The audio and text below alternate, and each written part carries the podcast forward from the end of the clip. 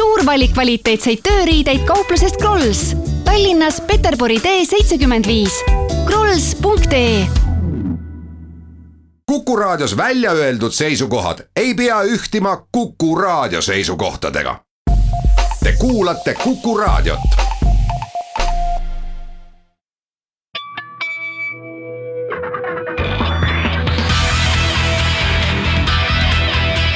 õigus ja õiglus.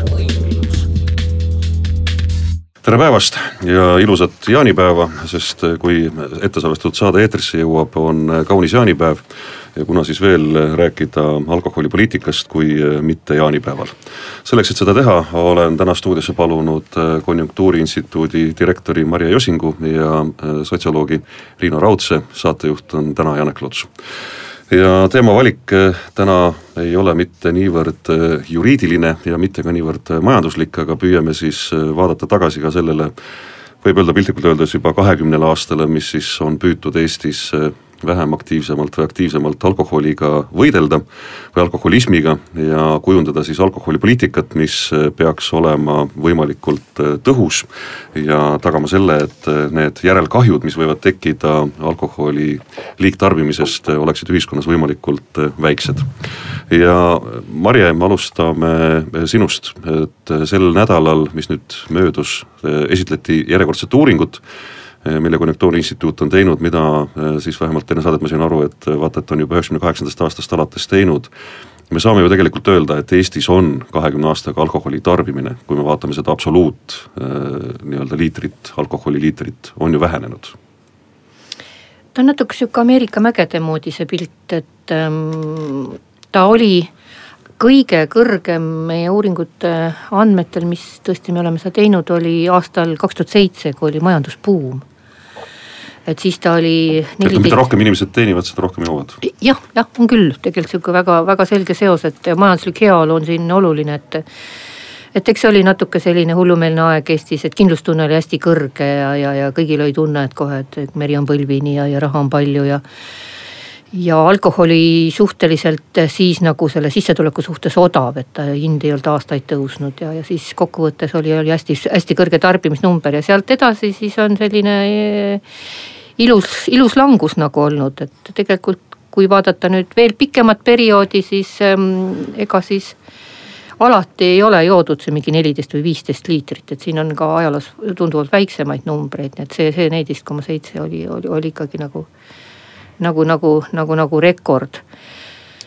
et jah, et noh, et seal alkoholi tarbimises on noh, väga palju, eks me täna siin jõuame arutada tegureid, mida siin, mida siin mõjutavad, aga, aga majanduse edukus ja inimeste raha hulk on kindlasti üks äh, siiski, kus me asetume oma naabritega võrreldes täna, kui me räägime sellest numbrist neliteist koma midagi? no räägime sellest tänasest äh, numbrist, et äh, mis on kaks tuhat seitseteist tarbimine on kümme koma kolm liitrit absoluutalkoholi täiskasvanu kohta ja sellega me oleme soomlastega täpselt ühe pulga peal nii et meil on nagu vahest me naerame soomlastega, et meil on sihuke maavõistlus, et kes kellele ära teeb, et nüüd me oleme nagu viigis nendega. ja, ja, ja Lätis ja Leedus on natukene kõrgem on tarbimine ja kui Euroopa mõistes, et on ju väga erinevad Euroopa alkoholi tarbimised, olenevalt sellest, et mis joomiskultuur on antud riigis, et kui me vaatame sinna lõuna poole, mis on veinijoojad, siis nendel on nagu väiksemad absoluuttarbimised, et lihtsalt sealt veinist ähm, ei saa nii suuri koguseid ja siia vaatame siia põhja poole, kus on nagu eh, kange alkoholi osakaal suurem, siis siin on nagu suuremad numbrid. Riina kui sotsioloogina vaatad äh, neid arve ja kuulad nüüd kasvõi seda, et Mare ütleb, et, et, et tegelikult on kogu aeg väike langus nüüd olnud mm. ja, ja, ja see arv on tegelikult noh, kui sa võtad, et ikkagi kolm-neli liitrit vähem kui äh, kümmekond aastat tagasi, siis äh, Eesti riigi alkoholipoliitika on olnud edukas mulle näib, et jah, me oleme olnud õiges suunas teel, et ma astuks tegelikult veel sammu tagasi sellest, mida Marje ütles ka, et kuidas me naabritega võrdleme, et et kui me maailma mastaabis vaatame, siis Euroopa on maailma kõige rohkem alkoholi tarbiv kontinent. Ja Euroopas see Põhja-Euroopa, kus meie oleme see nurgake siin soomlaste ja venelaste ja, ja lätlaste, leedulaste, moldaavlastega koos, on Euroopa kõige rohkem joov nurgake. nii et nagu maailma mastaabis me oleme, me joome päris palju et kui Maailma Terviseorganisatsioon WHO on öelnud, et umbes kuus liitrit elaniku kohta kuus liit-. mõistlik. on, on jah, sihuke, sihuke piir, kus need alkoholi poolt toodud nagu kasud ühiskonnale enam-vähem balansseerivad kõik need kahjud, mis võiks juhtuda, et siis et ütleme, meie oleme nüüd ikkagi sellest veel tükk, meil on tükk aega minna. Eh, neli liitrit. jah, või noh, ütleme niimoodi praegu ja siis äh, et, et ma arvan, et on mõistlik esitada see küsimus, et, et kas alkoholi joomine on meile loomuomane ja kuna me siin Põhjamaa nurgas elame, me ei saagi midagi teha, või tuleb see, on see joomine kuidagi seotud keskkonnaga, mida me siis nagu tegelikult koos disainime siin tootjate ja lapsevanemate näägutamise ja kõige sellega.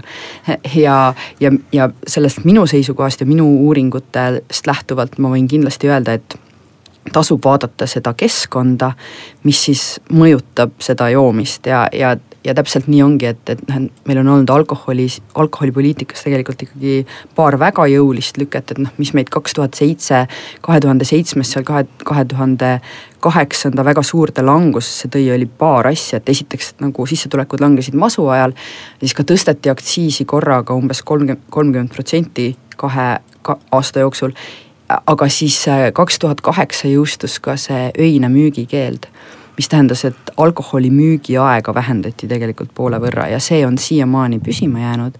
et noh, tegelikult väga-väga oluline keskkonnamuutus, et me ei ole ja, ja, ja sellel on olnud väga oluline mõju näiteks äh, purjus peaga sõitmistele, see, noh sellised asjad sa näed lihtsalt, et peale kahe tuhande kaheksandat, isegi kui äh, sissetulekud on nagu taastunud, et siis mingit tüüpi alkoholikahjud on jäänud nagu madalale. sellel on numbriline kinnitus? sellel on numbriline kinnitus, Marje uuringutest võib. et jah, et sageli siuksed meetmed nagu see öine müügipiirang, et nad ei pruugigi otseselt kajastuda tarbimise numbris.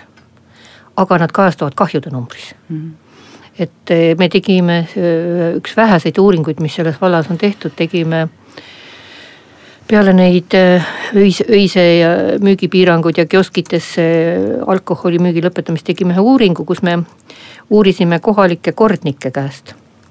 et kuidas nemad tunnetavad, et kuidas, kuidas see on mõjunud ja nemad ütlesid, et, et väga hea, et palju sellist öist kakerdamist küla peal ja lihtsalt juhuslikult kellelegi nina pihta andmist ja selliseid mõttetuid kuskil mingi alkoholi järgi käimist ja siis õnnetusse sattumist, et selliseid asju jäi palju vähemaks, nii et.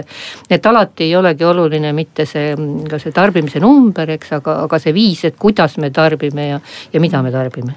jah, minu arust need numbrid on enam-vähem sellises suurusjärgus, et, et sealt Marje varasematest uuringutest, noh see tabel on sama, on kogu aeg täiendamisel, aga, aga et umbes aastatel kaks tuhat kolm kuni kaks tuhat seitse see tabatud purjusjuhtide arv meie teedel oli pidevalt üle viieteist tuhande, see on viisteist tuhat, kuusteist tuhat, seitseteist tuhat, mingid sellised numbrid. ja siis äh, ka alates kahe tuhande üheksandast see on olnud püsivalt alla kaheksa tuhande. et äh, ja noh, sa võid seal igasuguseid muid asju ka rääkida, et okei okay,, et võib-olla äkki politseinike arve vähendada. äkki, jah, või äkki, aga, aga siis ka kõik need numbrid, et nagu ähm, õnnetused tuhande elaniku kohta ja joobes juhiga äh,, joobes juhi süül nagu ähm, õnnetused, kus on hukkunu tuhande elaniku kohta, et kõik need numbrid on ka täpselt poole võrra vähenenud niimoodi, et, et see proportsioon tundub nagu väga selline noh, nagu sügav ja tugev, eks, et äh, et tuleb öelda, et näiteks sellel öisel müügikeelul on olnud nagu väga-väga võimas efekt ja samas see vähendas siis nii-öelda müügiaegu poole võrra. ja me, me ei saa öelda, et need inimesed küll ütlesid, jaa, see on mingi tohutu keeld ja piirang ja aga noh, tegelikult see ei tähenda, et Eestis ei saa enam öösel juua, saab küll, sa lihtsalt pead natukene planeerima, ostma endale varem valmis, see vähendab seda tõenäosust, et sa lähed näiteks kella kolme ajal juurde ostma purjus peaga purjus lähed pea, juurde ostma, see on see kõige rum, rumalam variant selle asja juures, jah. selles saate esimeses veerandis tuleks korra veel selle teema juurde, et Marje, sina paljuski pead rääkima alkoholist tänu sellele, et Konjunktuuriinstituut ei uuri muidugi mitte ja ei analüüsi mitte ainult siis alkoholiturgu, vaid ka väga paljusid teisi tootegruppe Riina, sina valisid endale ise sellise teema oma oma teadustöö jaoks, mis puudutab just alkoholi. -hmm. et kuidagi nüüd, kui täna oleks siin minu asemel selle saate püsisaatejuht, siis oleks kolm naist, kes räägiksid alkoholipoliitikast mm. -hmm. see ongi nagu siis naiste teema või et noh, et ma olen siin nagu juhuslikult hälve?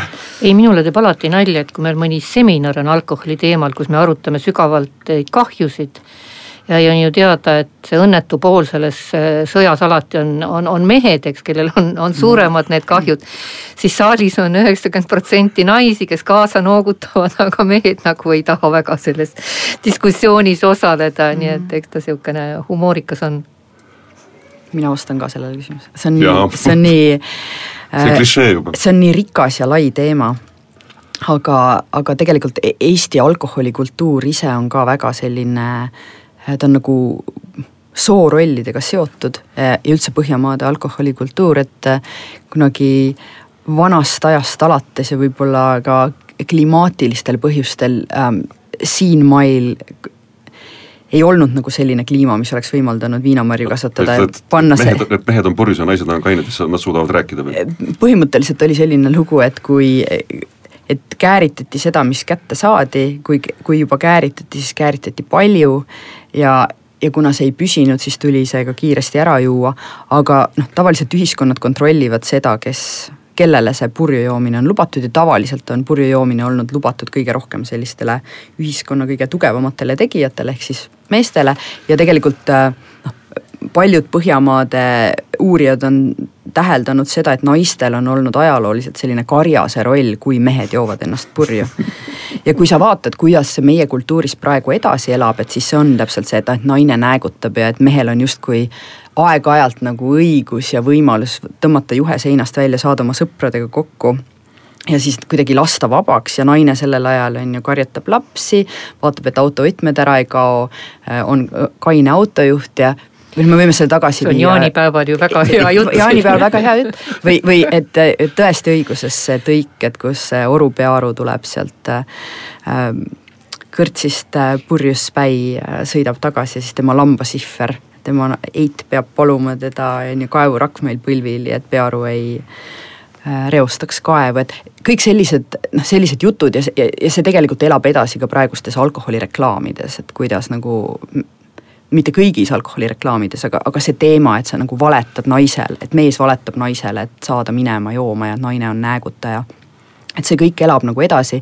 Ja mõnikord noh, sellest tulenevalt ongi nii, et äh, mina näiteks olen täheldanud, et kui, kui sa naisena räägid alkoholist äh, liiga palju, isegi kui sa räägid majandusest ja nendest poliitilistest aspektidest, et see, see oht olla tajutud näägutava naisena on ikkagi nagu olemas ja et, et on täiesti taktikaline paluda meestel rääkida meestega alkoholist. Ja, ja tegelikult mehed on sellisele jutule ka väga avatud. Äh, kui palju on tegelikult siis siin vahet, kas olla liberaal või olla pigem äh, siis äh, vasakpoolne, et, et, et riik ei pea sekkuma, riik peab sekkuma, et kas siin ka mingi erisus on? kui te vaatate kas või siis nendes saalides ringi, kus te sellest probleemist räägite, et on seda siis võimalik vaadata niimoodi ka, et, et vastavalt poliitilisele vaatele, mitte ainult soole toimub see jagunemine, et kes tahaks reguleerida seda turgu ja kes ei taha reguleerida seda turgu? minu hinnangul parempoolsetel on lihtsalt või noh nendel, keda me het-, Eestis hetkel parempoolseteks nimetame, neil on äh, lihtsalt see taju, et, et see regulatsioon toimub pere tasandil.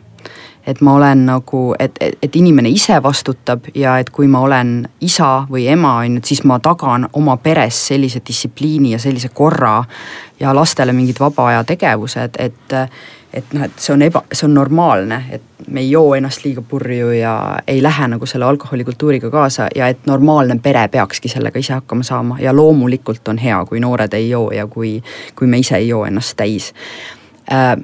aga nende hinnangul noh, see kontroll peakski kuskil seal pere tasandil olema ja riik ei peaks sekkuma ja, ja kui keegi kui alkoholitootja tahab müüa nendele lollidele, kes ei saa oma pere reguleerimisega hakkama, siis alkoholitootjatel peaks olema õigus nende, nendelt raha ära võtta põhimõtteliselt, ükskõik, mis need tagajärjed on.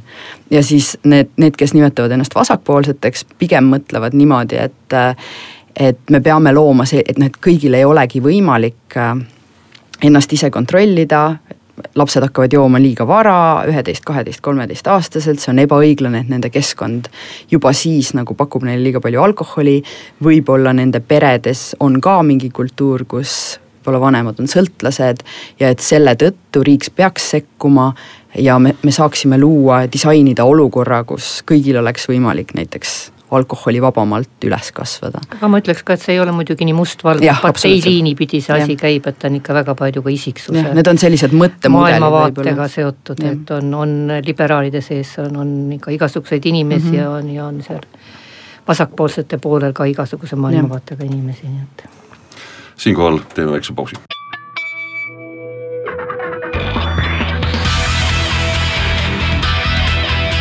õigus ja õiglus. jätkame tänast saadet, räägime alkoholipoliitikast, selleks on stuudiosse kutsutud Riina Raudne, Marje Josing, saatejuht on Janek Luts. nüüd teise veerandi alguses küsiks ära ka selle küsimuse, et ei, ei mina ega ma loodan ka siis teie, me ei räägi ju ja ei püüa ka täna jõuda selleni, et alkohol tuleks täielikult ära keelata. ei, ja pole kunagi sellest rääkinud. ja, ja ei ole ilmselt võimalik, et ei ole ju mõtet arutada asju, mis ja ei ole võimalik.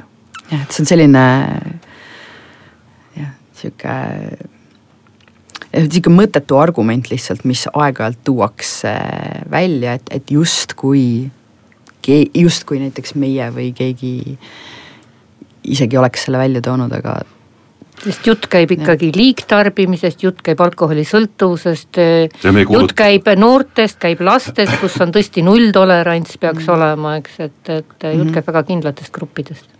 et äh, me ei, ei räägi ka sellest, et äh, kõige parem alkoholipoliitika oleks see, mida püüti rakendada Soomes äh, eelmise sajandi esimeses pooles või mida püüti rakendada Ameerika Ühendriikides äh, seal kahekümnendatel, et kuulutada välja kuivseadus, mis andis väga selge äh, kogemuse, mida sellise asja nii-öelda sellises, sellise, nii jõuliselt keelamine tegelikult endaga kaasa toob, et äh, mitte midagi ei muutunud ja no, mingil osal meist on ka kogemus sellest, mis toimus kaheksakümnendatel, kui äh, tuli siis Gorbatšovi kuivseadus. see ei olnud kuivseadus? nojah, teda kutsuti niimoodi, ta oli siis väga tugevate piirangutega. ja nüüd tagantjärgi on äh, oldud ka sunnitud tunnistama, et, äh, et siiski teatud mõju sellel ju tarbimisel oli, kuigi toonaste statistiliste andmete nii-öelda jälgimine või, või ka kogumine ei ole maailma kõige lihtsam, aga aga siin võib sekkuda lihtsalt ses mõttes, et on üks väga hea statistiline näitaja, mis tuleb tervise poole pealt. Need on alkoholijoobes enesetapud mm, -hmm. mis on väga tugevas korrelatsioonis alkoholi tarbimise numbriga. samuti maksatsirroosi suremus. ja maksatsirroosi suhte ja alkoholimürgitused ja kui vaadata neid tervisenäitajaid, siis need tegelikult kinnitavad, et mm -hmm. sellel hetkel, sellel olukorral oli nagu tervisele positiivne mõju, et seda peab ütlema, et ja tõesti võime kahelda selle äh, alkoholi tarbimise statistika numbrite suhtes, aga ka tervisenumbrites oli positiivne. ja mina täiesti soovitaks, kui kedagi huvitab äh, uurida ja lugeda selle kohta, sellepärast et et Nõukogude Liit oli niivõrd eripalgeline äh, selles osas, et milliseid alkoholikultuure see endas kätkes, et meil olid nagu sellise moslemi taustaga, islami taustaga riigid nagu Kasahstan ja Usbekistan, kus joodigi väga palju vähem. ja siis olid, on ju, Baltikum ja Põhja-Venemaa, kus joodi väga palju, aga see seadus rakendus kõigile ja seda on hiljem nimetatud selliseks maailma kõige suuremaks nagu naturaalseks eksperimendiks, et sul on sama poliitika nagu langeb erinevatele gruppidele samal ajal ja sa põhimõtteliselt näed, kuidas nagu Baltimaades langesid enesetapud, õnnetused, maksatsirroosi suremus, sellised asjad. ja seal äh, teistes riikides nagu äh, Kaukasuse kandis jäi see kõik samaks midagi, mitte midagi ei muutunud selle tõttu või, või noh, väga vähe muutus. ja, ja seda on nüüd nagu uuritud suhteliselt põhjalikult, et mingisugused Stanfordi teadlased on nagu vaadanud, seal on ka mingid äh, emigreerunud vene teadlased on näiteks töötanud koos välismaa teadlastega siis, et kuidagi tagantjärele vaadata mingeid suhkrumüügi andmeid, et analüüsida, on ju, kui palju siis võidi inim-, võisid inimesed nagu kodus salaalkoholi valmistada või mis iganes, aga et et noh, need, on nagu mitte ideaalsed andmed, aga nad on teinud palju tööd selle nimel, et et see nagu kätte saada ja seal on väga selgelt näha, et et noh, näiteks näiteks Eesti näitel, et me olime mingi üksteist koma kaheksakümmend neli oli vist aastal kaheksakümmend neli see tarbimine ja, ja aastaks kaheksakümmend kuus see oli kuus koma viis liitrit, ehk siis me tulimegi poole vähema peale ja siis tõesti oli terve rida väga noh, väga karme ähm, reegleid, et näiteks alkoholi ei müüdud hommikuti äh, kella kahest alates alles sai osta ja igas, igasuguseid ja see, ja see oli väga nagu tugevalt jõustatud.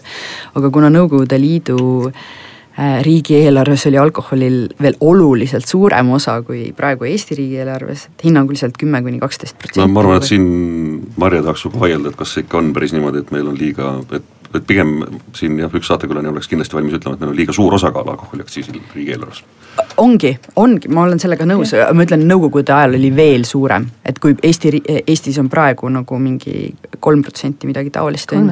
kolm, et siis äh, nõukogude ajal oli kümme kuni, kümme kuni kaksteist, et see oli väga oluline, väga oluline sissetulekuallikas.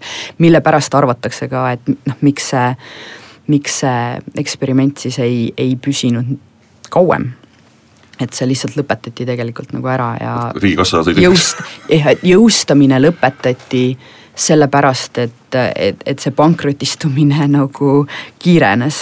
ma kardan, et seal võis ka mingeid sotsiaalseid põhjuseid olla või poliitilisi põhjusi, et kui rahvas on alkoholi uimas, siis võib-olla ta on paremini juhitav mm. ja ei tekita probleeme valitsusele, nii et see võis ka üks põhjus Venemaal olla muidugi.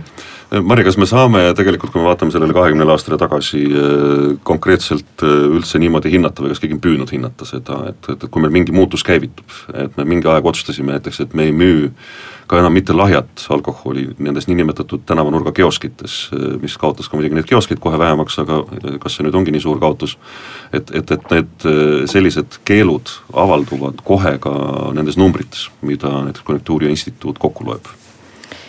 see ei ole nii lihtne, sellepärast et ähm, nagu siin me oleme korduvalt äh, rääkinud, et alkoholipoliitika on väga keeruline ja ja need mõjurid on väga keerulised, et ei ole, et sa võtad ühe meetme ja siis midagi juhtub, et paralleelselt ju ühiskonnas toimuvad palju asju, et toimuvad mingid kultuurilised mm. muutused, näiteks me, me näeme praegult, et Euroopas on, on ja eriti siin Põhjamaades on kindel liikumine on, et suureneb lahja alkoholi tarbimine ja väheneb kange alkoholi tarbimine. et see on niisugune üldine nagu baasil toimuv liikumine, mis on ka Eestis toimub siis sissetulekute muutus on ju, on ju väga oluline, et mis siis on juhtunud mis majandustsükkel on, kuidas inimeste kindlustunne on, kuidas jah, palgad on tõusnud, nii et et selline kompleksne mudel iseenesest noh, eks ta oleks uuritav, eks, aga ma pean ka ütlema seda, et ega Eestis ei tellita eriti sellist, sellist, seda tüüpi uuringuid, et mm. me oleme ju iseenesest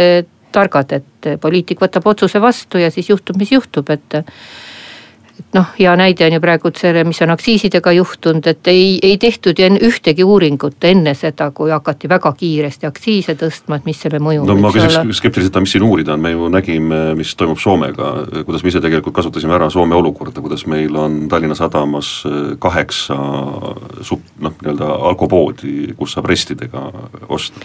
just ja kõige imelikum, et see oli ju analüütikutele väga-väga äh, teada asi, sest me oleme aastaid Soome kolleegidega kolleegidega suhelnud ja, ja meil oli ju see tarbimise andmete arvutamisel tohutu probleem see, et, et kuidas välisturiste maha arvutada.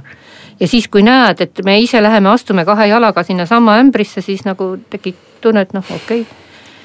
ja võib-olla jah, ei tasu uurida, aga tasub vähemalt siis kuulata, mida siis räägitakse. või noh, teine või-, võimalus, mina, mina ikka tulen sealt oma poliitökonoomia perspektiivist, et, et tegelikult on ka väga huvitav äh, vaadata seda, et äh, et kes on omanikud ja kus liigub raha, on ju, ja kui sa vaatad, et kes neid kõige suuremaid äh, alkoholifirmasid omab. tootjaid. jah, tootjaid on ju, et noh, et siis tegelikult Olvi näiteks omab äh,, omab siis tootjaid Eestis, Lätis, Leedus, Valgevenes ja ja on noh, väga suur lobistaja kõikides nendes riikides, et noh, ma ei, ma ei taha lihtsalt Olvit eraldi välja tuua, aga ütleme, et õlletootjad, et meil on siin ainult paar õlletootjat, ei ole nagu noh, nüüd on tulnud väiksemaid juurde, aga aga ka näiteks see, millele Marje viitab, et noh, et et see on justkui isetekkeline, et noh, et meil on mingi trend, kus hakatakse jooma lahjemaid ja kangeid juuakse vähem, et see on ka nagu poliitiliselt, poliitikameetmetega olnud mõjutatud, et kui sa vaatad, kuidas on maksustatud kanget alkoholi ja kuidas on maksustatud lahjat alkoholi, kuidas on lubatud reklaamida lahjat alkoholi ja kuidas on reklaamitud kanget alkoholi, seal on olnud erinevused ja need erinevused on viinud selleni et me, et me peame ja poliitikud arvavad ka, et õlu on tervislik jook, et nagu suure klaasi, põhimõtteliselt suure klaasi promill on tervislikum promill kui väikse klaasi promill. ja see on viinud, see on viinud selleni, et meil tegelikult kange alkoholi osakaal meie turul on oluliselt vähenenud lihtsalt, lihtsalt mitte öelda, et see ainult Eestis toimub, et näiteks kui sa võtad Vahemere maid, siis suured alkoholitootjad praegu näevad, et aa, okei okay,, teil seda, seda purju joomise kultuuri veel ei ole, noh, me toome teile, on ju, et nad väga palju reklaamivad seal erinevaid viinasid ja kogu seda viina joomise kogemust. et noh, viiekümnendatel, kuuekümnendatel juba tuli Soomes hakati ja Rootsis hakati väga palju müüma rohkem veini, mis selle tulemus oli mitte see, et nagu soomlased asendasid viina veiniga, vaid nad lisandasid äh, veinikultuuri äh, oma viinakultuurile, et, et need on lihtsalt nagu erinevad tooted ja erinevad siis sellised rituaalid, mida tööstus müüb oma nende erinevate toodetega. Täpselt samamoodi, kui naised ei joo ja sa teed nagu naistele bränditud tooteid, varsti naised hakkavad jooma, meil ei olnud nagu võib-olla seitsmekümnendatel siin sellist institutsiooni nagu naiste veiniõhtu nüüd on, on ju no ma usun, et ei ole vast väga õige ka jätta sellist muljet, et, et kogu ühiskond ongi nüüd alkoholitootjate suunata ja, ja mõjutada, eks siin on ju ka laiemaid tegureid, on. on eri põlvkonnad, on eri maailmavaated, on elu, elutempo, on tööstiil. noh, näiteks on näha Taanis näiteks, et et on langenud selline no nagu kange alkoholist ennast äh, tõesti väga kõvasti purju joomine väga suur pidutsemine, aga nad ise põhjendavad, et üks põhjus on see, eks, et juba su töö on selline, et sa pead töö olema kaine. jah ja,, jah, töö segab joomist, et sa pead olema hommikul triks-traks arvuti taga. ja, ja kui sa seda ei ole, siis, siis sa kaotad oma töö, eks, et see juba ja. sunnib, eks, et sa tarbid midagi muud, tarbid mõõdukamalt. tarbid nädalavahetust. jah, jah, ja siis, kui me vaatame siis ka ütleme erinevust, et kes olid Eestis kange alkoholi tarbijad, miks üks põhjus. Marika, sa viitad praegu sellele, et Eestis on töökultuur madal ja siis on töökultuur muutunud ka, me ei, enam ei joo, joo töö ajal, nõukogude ajal see oli no ajakirjanikud tavaline. võiksid siin meenutada ja. oma elu siin viisteist, kakskümmend aastat tagasi, et mis, mis veel toimus, eks ajalehetoimetustes ja ja no ja seda ju väga paljudel erialadel öeldakse, eks, et mm. väga palju on tõesti muutunud, et, et ei ole võimalik enam olla natukene hägune tööl. jah, aga ma tahan, ma tahan siin ikkagi öelda, et alkoholitootjad, kuna neil on need reklaamirahad nii võimsad ja neil on nagu nagu, neil on ikkagi nagu ühiskonnas toimuval pidevalt nagu näpp pulsil ja nad seovad pidevalt oma tooteid erinevate trendidega, mis aga kes seda juhtuvad. ei teeks, sama teevad pesupulbri tootjad ja, ja seebitootjad okay. ma, ma ei ütle, et see on, ma ei ütle, et see on vale, ma lihtsalt ütlen, et neil on erakordselt suur mõju sellele, mida me peame normaalseks. ja, ja mis on nagu, mis on kultuur, on ju et, et noh, kui me vaatame, et meil neljateistaastased tüdrukud joovad täpselt sama palju kui poisid. Äh, et see on, me, me peame, me peame nagu seda mõju samas noorte seas jälle äh, väga tugevalt on languses äh, suitsetamine. huvitav küll, on ju. miks jah, tubakapoliitika, see, kuidas tubaka, tubaka tarbimise keskkond on aastast kaks tuhat, aastast kaks tuhat väga oluliselt mõjut-, mõjutunud. meil reklaam keelati ära siis äh, aastast kaks tuhat seitse jõustusid need keelud, kus äh, siseruumides ei tohtinud enam suitsetada. Äh, aktsiisi on väga tugevalt tõstetud ja täpselt kõik need noh, samad vestlused, et umbes, et noh, miks me sinna kohvikusse lähme siis, kui me ei saa seal isegi suitsetada, millest me üldse omavahel räägime, kui me ei saa suitsetada. aga nüüd istud lihtsalt Facebookis. nüüd istud Facebookis, aga et, et see on väga hea näide sellest, kuidas üheksakümnendatel me arvasime, et see kõik on väga normaalne tulid muutused ja need muutused on nagu toonud, need seadusandlikud muutused on muutnud ka norme, ehk siis seda, mida me normaalseks peame. ehk siis, kui me oleme siin kolmekesi stuudios, et kui üks meist hakkaks siseruumis praegu suitsetama, me ei peaks ootama, et politsei tuleks ja hakkaks reguleerima seda olukorda siin, vaid tõenäoliselt kaksteist meist kutsuksid seda ühte korrale, kes suitsetab ja see, see ongi see norm, et kus nagu inimesed kutsuvad üksteist korrale mingisuguse asja tõttu, mis ei tundu neile normaalne. see haagub ka, haakib ka alkoholiga, eks, et meie probleem on ju selles alkoholikultuuris see, et meil on selline kõvasti purju joomine, no ikkagi nagu normaalne mm, -hmm. et seda seltskonnas, no nüüd jaanipäeval on eriti hea rääkida, see ei ole nagu häbenemist väärt mm. -hmm aga noh, mina ise olen lapsepõlvest pärit nagu, nagu, nagu Abhaasiast, Gruusiast mm, -hmm. eks, või, või kuskilt vaatame Vahemere äärseid kultuure kui inimene joob ennast nii purju, et ta ei suuda ennast kontrollida mm, -hmm. siis ta häbeneb ja läheb koju teki alla ja, ja on väga vaikselt seal, see ja, ja, ja vanemad mehed vaatavad, et kuule poisikesed, et sa ei käitu normaalselt, eks ju. ja, ja see, kuidas need vanemad mehed seda ütlevad, see ongi sotsiaalne kontroll mingis mõttes, et, et me nagu kuidagi võtame omaks need käitumisviisid aga kui me neid omaks ei võta, teised tuletavad meile neid meelde. ja, ja ma toon selle näite, noh kuidas Eestis on tegelikult täpselt vastupidi, et väga palju on siin sellest räägitud, kui sa lähed peole ja sa ei joo, inimesed tuletavad sulle meelde, nad küsivad, et mis sul viga on, kas sa oled autoga, kas sa võtad antibiootikume, kas sa oled rase, sa pead, sul peab olema mingi legitiimne vabandus, miks sa ei joo, sest muidu inimesed ütlevad, et kuule, mul on nagu ebameeldiv olla siin sinu sinu seltskonnas on ju, et ma tahan juua ja sa paned mind ennast nüüd halvasti tundma, et see on nagu sellist tüüpi surve, kus meil pigem on nagu siis vähem vabadust mitte juua. ja see võiks muutuda või me võiks, kui me sellest teadlikud oleme, siis me saame nagu kuidagi ka tähele panna seda, kui me ise osaleme selles käitumises, et me sunnime kedagi teist jooma. võib-olla küll nagu sõbralikult, aga ikkagi. siinkohal teeme pausi ja hetke pärast jätkame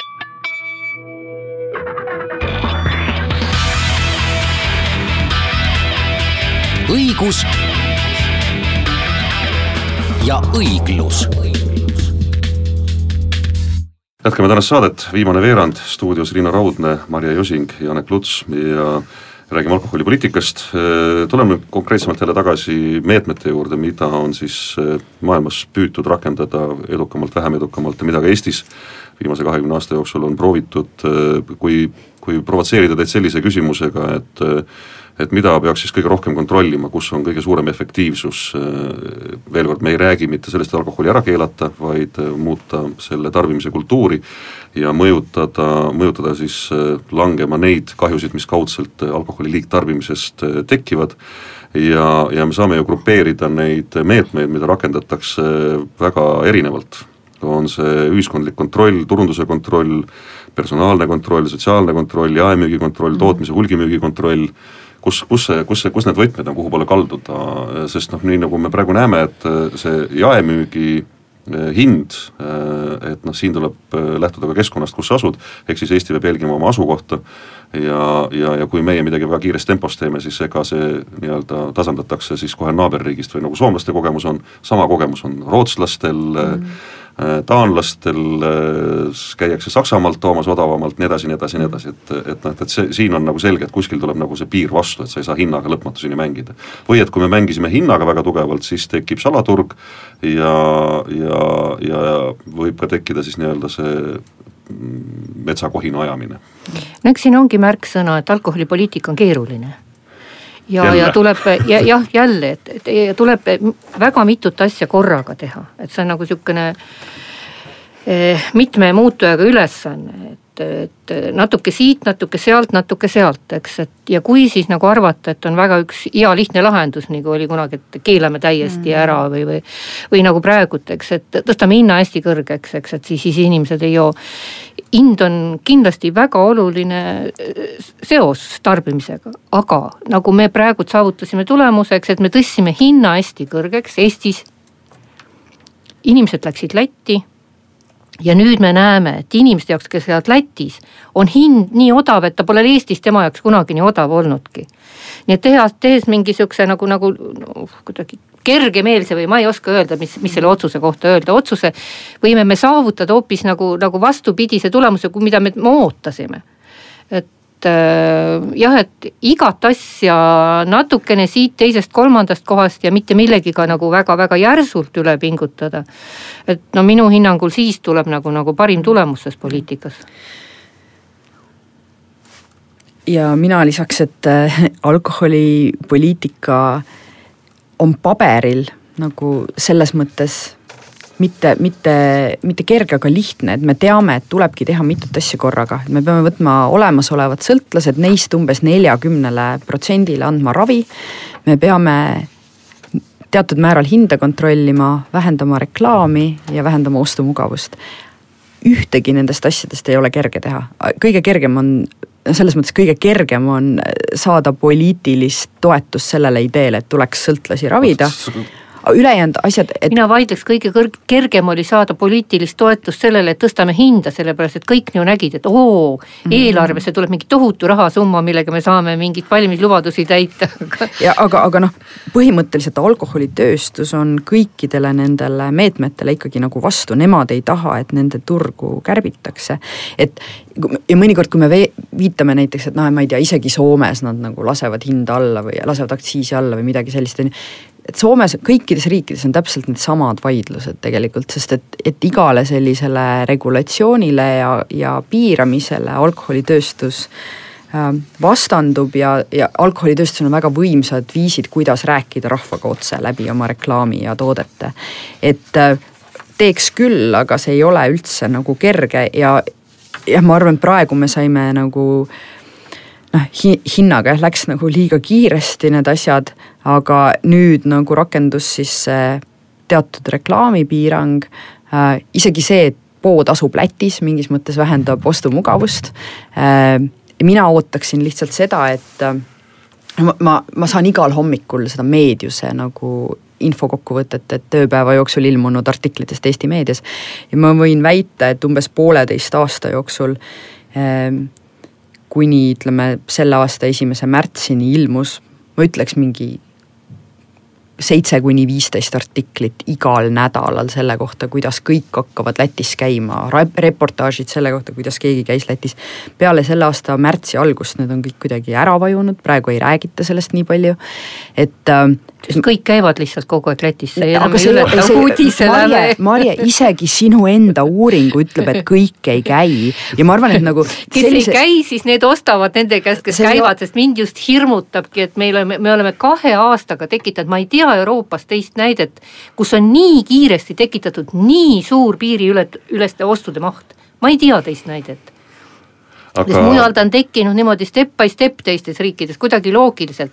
me tühjalt kohalt tekitasime mingi täieliku hulluse, vot see nagu mind hirmutab loodan, et ajakirjandus natukene rohkem uurib ka sel nädalal avalikuks saanud uudist, kus äh, tuleb välja, et äh, Eesti suuremad alkoholitootjad äh, müüvad nii-öelda siis hulgiga Lätti nendele kauplastele, mis piiri lähedustes asuvad, alkoholi soodsamalt. ma toetan tooteid. seda ideed, ajakirjanikud võiksid uurida ja. täpselt neid Aga... hindu, millega nad müüvad. mina kommenteerin siin selles mõttes, et siis ajakirjanikud võivad ka uurida seda, mis hinnaga müüakse Eestis väikepoele ja, ja mis müüakse suure käibega poodi, sest ja, iga äri tegelikult on üles ehitatud sellega, et see, kes müüb rohkem, saab soodsamalt, nii et mhm. mind nagu majandusteadlasena küll üldse ei üllata see, et meeletu käibega poed saavad odavamalt ja siis nad saavad rohkem müüa, sellepärast et nad saavad odavamalt. ehk siis see õige lause, mida öelda, on see, et alkoholi tootjad ja müüjad on oluliselt panustanud piirikaubandusse Eestis ja, ja, ja hoogustanud maksude sõitmist Lätti, et see ei ole ainult nagu valitsuse teene.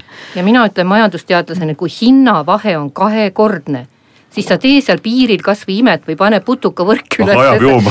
aga, aga sa ei takista seda, sest see on noh, nii suur vahe, et see tekitab majandusteadlasena, ma ütlen, piirikaubanduse. siiski äh, nüüd äh, tuleks selle teema juurde, et isegi kui vaadata nüüd neid samu Eesti Konjunktuuriinstituudi küsitlusi, kus on küsitud elanikkonna käest, et, et kas vajaks alkoholipoliitika karmistamist, enamus ütleb jah. kas Eestis on vaja alkoholi tarbimist vähendada, enamus ütleb jah ja siis kuidas on äh, võimalik, et meil on kuidagi nagu poliitiliselt keeruline neid öö, äh, otsuseid teha või et nad on nii valulised, jätame nüüd kõrva, korraks kõrvale selle äh, selle hälve, mis tekitati selle maksulaekumisega ja, ja selle liiga äkilise hinnatõstmisega, mis, mis on hälve tekitanud piirikaubanduses. aga, aga, aga tegelikult noh, kui vaadata seda inimeste ootust, siis justkui, või oleme lihtsalt silmakirjalikud, et inimesed on silmakirjalikud, et noh, et tegelikult noh, muidugi peaks tegelema ja siis läheb ise, ise salaja koju, hakkab jooma mm. -hmm. et kes siis peab tegelema ei, senini võib öelda tõesti, et inimestel on noh, kui, kui me noh, ei saa jälle rääkida sihukesest Harju keskmisest, et inimesed, eks ju, et kui me vaatame tarbijaid, siis ähm, suur osa inimesi vaatab sellele probleemile sedapidi, et, et temal on, temal on probleem sellest, et ühiskonnas on neid liigtarbijaid. Tema kardab, et ta jääb liikluses näiteks õnnetusse keegi purjus sõidab talle otsa, keegi tänaval ründab teda, naaberkorteris keegi, keegi märatseb, ta näeb selles selle liigtarbimise tulemusi, enamik inimesi, ta ise ei ole nagu liigtarbija. ja siis on väga lihtne öelda, et jah, et tehke, tehke midagi ja, ja karmistage midagi. ega samas, kui te karmistate, siis te piirate minu kui normaaltarbija, kui nii võib öelda, õigusi, ma ei tohi minna linnaplatsil või linna muruplatsil kuskil rahulikult pikniku pidama ja veini juua, ma ei tohi pärast kella kümmet alkoholi osta. ideid, et jah, et tõesti, et, et te piirate minu õigust minna öösel veini ostma, selliseid on teatud kodanikel olnud ja nad on seda rääkinud, aga me vaatame, et väga massiliselt ju seda ei ole, et kõik see eh, öine müügipiirang on väga rahulikult vastu võetud, sest enamik nagu aktsepteerib seda mm. ja aga, aga, aga kui minnakse kuskil nagu noh, tõesti üle piiri või tehakse mõttetusi mm siis tulemus on see, et Konjunktuuriinstituut iga aasta nagu küsib inimeste käest, et see, et kas ka alkoholipoliitika peaks olema suurte piirangutega, mõõdukate piirangutega, siis me nüüd näeme, et kaks aastat, kui on see meeletu piirikaubandus ja alkoralli toimunud, on inimeste hoiakud tegelikult muutunud liberaalsemaks Nad ütlevad, et, et lõpetage ära ja ärge piirake, eks, et noh, tegelikult, et me võime saavutada sellise suure piiramisega hoopis inimeste nagu sihukese vastuseisu või protesti, et seda ma nagu näen sotsioloogina. mina ütlen, et noh, et seda protesti on tekitatud just selle PR-iga, need artiklid, milles, millele ma. kõige kurja juur on alkoholitootjad. ei, aga noh, lihtsalt päriselt on ju, et kui sa vaatad seda content'i, mis, seda sisu, mis tuleb, on ju meediast, et see on noh, see on kõik väga ühte auku olnud, väga palju sellest on väga väga ühte auku olnud. aga mul on selline kogemus, et ma kogu selle alkoholi teavitustöö juures olen väga palju rääkinud äh, erinevat tüüpi inimestega, noortega, lapsevanematega, koolide juhtidega, kohalike omavalitsustega ja tihti me teeme sellist harjutust, et ütleme, et okei okay,, töötage oma väikestes gruppides ja tulge lagedale mingi kümne ideega, mida teha et kui me päriselt tahaksime teie linnas vähendada näiteks noorte joomist või alkohoolikute, ma ei tea, negatiivseid tagajärgi. ja see on väga lahe, et kui sa inimeselt lihtsalt küsid, mida sina teeksid, siis nad jõuavad väga tihti ise nendele, nende tavaliste poliitikameetmete juurde, mis ongi, juhtuvad ka olema tõenduspõhised, eks et noh, ma ei tea, et pere tasandil näiteks, ma ei tea, ära hoia kodus nii palju alkoholi, kui sul on teismelised lapsed, seda lihtsalt ei ole vaja, on ju. või et ma ei tea, võiks reklaami vähendada või võiks, ma ei tea, tugevamalt vaadata, et mis toimub koolipidudel või et noh, et võiks noori kaasata rohkem mingite pidude korraldamisse, et neil oleks midagi teha. või, või siis, et noh, et riigi tasandil tuleks vähendada ma ei tea, kättesaadavust, mingeid selliseid asju, et inimesed kui sa esitad neile selle küsimuse, et mida sina teeks, et seda meie ühist keskkonda disainida äh,. siis tegelikult nagu see konsensus on päris suur ja, ja ka ideid, et, et, et mida saaks teha. Riina, sina, sina, sina suunad sinna peale, et, et, et rohkem võiks olla sellist sotsiaalset kontrolli, et midagi, muutus esile kutsuda. Marje juba siin enne sind tõi näite sellest, kuidas, kuidas sellised äh, nii-öelda müügi ja, ja hinna poliitika muutmised äh, liiga järsud võivad mm -hmm. tekitada hoopis vastupidise reaktsiooni et, et jääd selle juurde, et sotsiaalne kontroll on täna see, millega peaks Eestis alkoholipoliitika edasi liikuma? ma jään selle juurde, et meil peaks olema see pakett asjadest, mida alkoholipoliitika rohelises raamatus vali üks räägib. välja aga see noh, see ongi loll küsimuse püstitus. ei, ei saa ja, ühte valida, selles, selles viga tehtigi, et ei saa ühte valida. ja, ja et ma, ma kutsun meid kõiki üles pidevalt nagu kriitiliselt mõtlema, et, et, et millist keskkonda me tahame disainida ja ka, et millised on need äh, järeleandmised, mida me oleme nõus tegema, et näiteks, et okei okay,, mulle meeldib, kui meil on poole võrra vähem äh, alkohoolikuid ja purjus juhte öösel teedel, kas ma olen nõus endale alkoholi enne kella kümmet valmis ostma. jah, võib-olla ma olen sellega nõus, kui ma tean, et nagu see, see positiivne, mis me sellest saame, on nii suur. Jah, või kui kell kümme saab alkohol otsa, et aga äkki aitaski et äkki rohkem ei ole vaja. täpselt, on ju, ja enamik inimesi, kui sa nendega rahulikult räägid, jõuavad selleni. enamik inimesi ei plaani, et, et vot see, selle mingi aasta kaks tuhat seitseteist eesmärk või aasta kaks tuhat kaheksateist eesmärk on, et ma sel aastal joon poole rohkem. väga vähesed inimesed mõtlevad niimoodi. no sa püüdsid vedada kampaaniat joon, joon poole vähem ja paljud räägivad, et nad on, ongi hakanud vähem jooma. Aga, aga mul ei ole selliseid mõõtmistulemusi nagu Marjal, nii et ma ei, ei, ei lehvita siin väga. jah, aga no Mari tunnistas ka, et ega kõike ei saagi mõõta. Ja, ja, ja, ja liiga järskude ühekordsete muutustega võib saavutada vastupidise tulemuse, nii et. no häda on see jah, et paljud inimesed tõesti käituvadki väga mõistlikult ja siuksed mõõdukad ja, ja vähesed tarbijad tarbivad veel vähem. Mm.. aga Lätis käijad on, on suuremad tarbijad ja niisugused haavatavamad mm., mina nimetaks, et see ongi see ühiskonnagrupp, kellega me peame tegelema, eks, ja ja, ja kuna nende käitumine on nüüd kahe aastaga muutunud selliseks, no ma nimetaks Soome turisti käitumiseks, et me ju ei, ei ostnud äh, Selverist kuskilt mingeid õllekohvreid enne ja, ja mitte me, Marju, ma muretsen no, okay. selle pärast, kui mustvalgelt sa räägid nagu sellest grupist. või, või noh, meil tegelikult ei ole uuring, meie uuring selle kohta, et kas te nime, kas te tunnetate, et te olete hakanud rohkem jooma, on ju. et tegelikult ma vaatasin su märtsi küsimustulemusi mm, -hmm. et, et ma ei tea, seitse protsenti kokku ütles, et nad on hakanud rohkem jooma sellel aastal. Ainult, ainult seitse protsenti, viiskümmend kaheksa protsenti ütles, et nad on hakanud äh, sama palju jooma, mina ütleks, et nad, kui seitse protsenti on hakanud rohkem jooma, siis isegi see, et nende nende pood on nagu üle saja kilomeetri kaugusel, et see iseenesest on nagu okei okay. ja võib-olla aga nende see... garaaž on alkoholi täis, vot selles on nagu mure, et ja, nad arvan, ütlevad, et nad natukes... joovad sellepärast rohkem, et nad teevad varu, mida ei olnud, et, et noh, meil on tekkinud sellised probleemid mida meil enne ei olnud, et, et mis tegelikult soodustavad alkoholi liigtarbimist, et me ostame korraga suuri koguseid, me teeme endal koju me, varu, eks ju. vaid seitse protsenti inimestest. no okei okay,, ma ütlen siis, et see kolmkümmend protsenti, kes käib Lätisse, siis. mitte, aga kolmkümmend protsenti ei, on käinud Lätis, on ju, et, et kas sul oli vist kümme protsenti oli neid, kes on korduvalt käinud ja kes on spetsiifiliselt Lätti sõitnud ja, selleks. et nad lihtsalt kaheksateist protsenti lähevad spetsiaalselt alkoreisile. et, et me kõik käime numbrid, seal pidevalt, ma, mina ei ütleks seda, et noh, näiteks mida soomlased on öelnud, on, on see, et, et isegi selle tohutu Eesti alkoralli juures, neil, nende jaoks on olnud no nende rahvatervisele on olnud kasulik hoida ikkagi suhteliselt kõrget aktsiisimäära, sest kui nad seda alla lasid, et siis see surmade laine, mis Põhja-Soomes nagu selle, sest ka see oli Põhja-Soomest, kust inimesed ei käi, on ju. et tegelikult Tallinn ei ole Läti piiri ääres. ja hirmus minna... tulemus on see, et viimasest uuringust on selgus, et Tallinnast käiakse päris palju Lätis, mis on nüüd uus trend, mis on nüüd kaks tuhat seitseteist trend, enne, enne käis ainult Lõuna-Eestis. kui sa ütled päris palju, mis Aga need numbrid on Tallinnas? no ma ei võta neid praegu peast vaateuuringust, et seal on päris palju neid. aga siinkohal äh, pean ma tänama tänaseid saatekülalisi, Marje Josingut ja Riina Raudset, saatejuht oli Janek Luts. see teema, äh, kuidas kujundada Eestis alkoholipoliitikat, mis oleks äh, tulemuslik ja samas ei tekitaks selliseid kõvernähte Äh, mis nüüd lõpus äh, väga tuliseks läks, äh, selle, nende, nende yes. nähtude mõtestamine, siis soovitan kõigil ka kaine peaga järele mõelda sellele, et kas teinekord oleme me siis mõistlikud ja kas me ei ole silmakirjalikud, kui me tahame muutusi, aga kas me ise oleme valmis muutuma.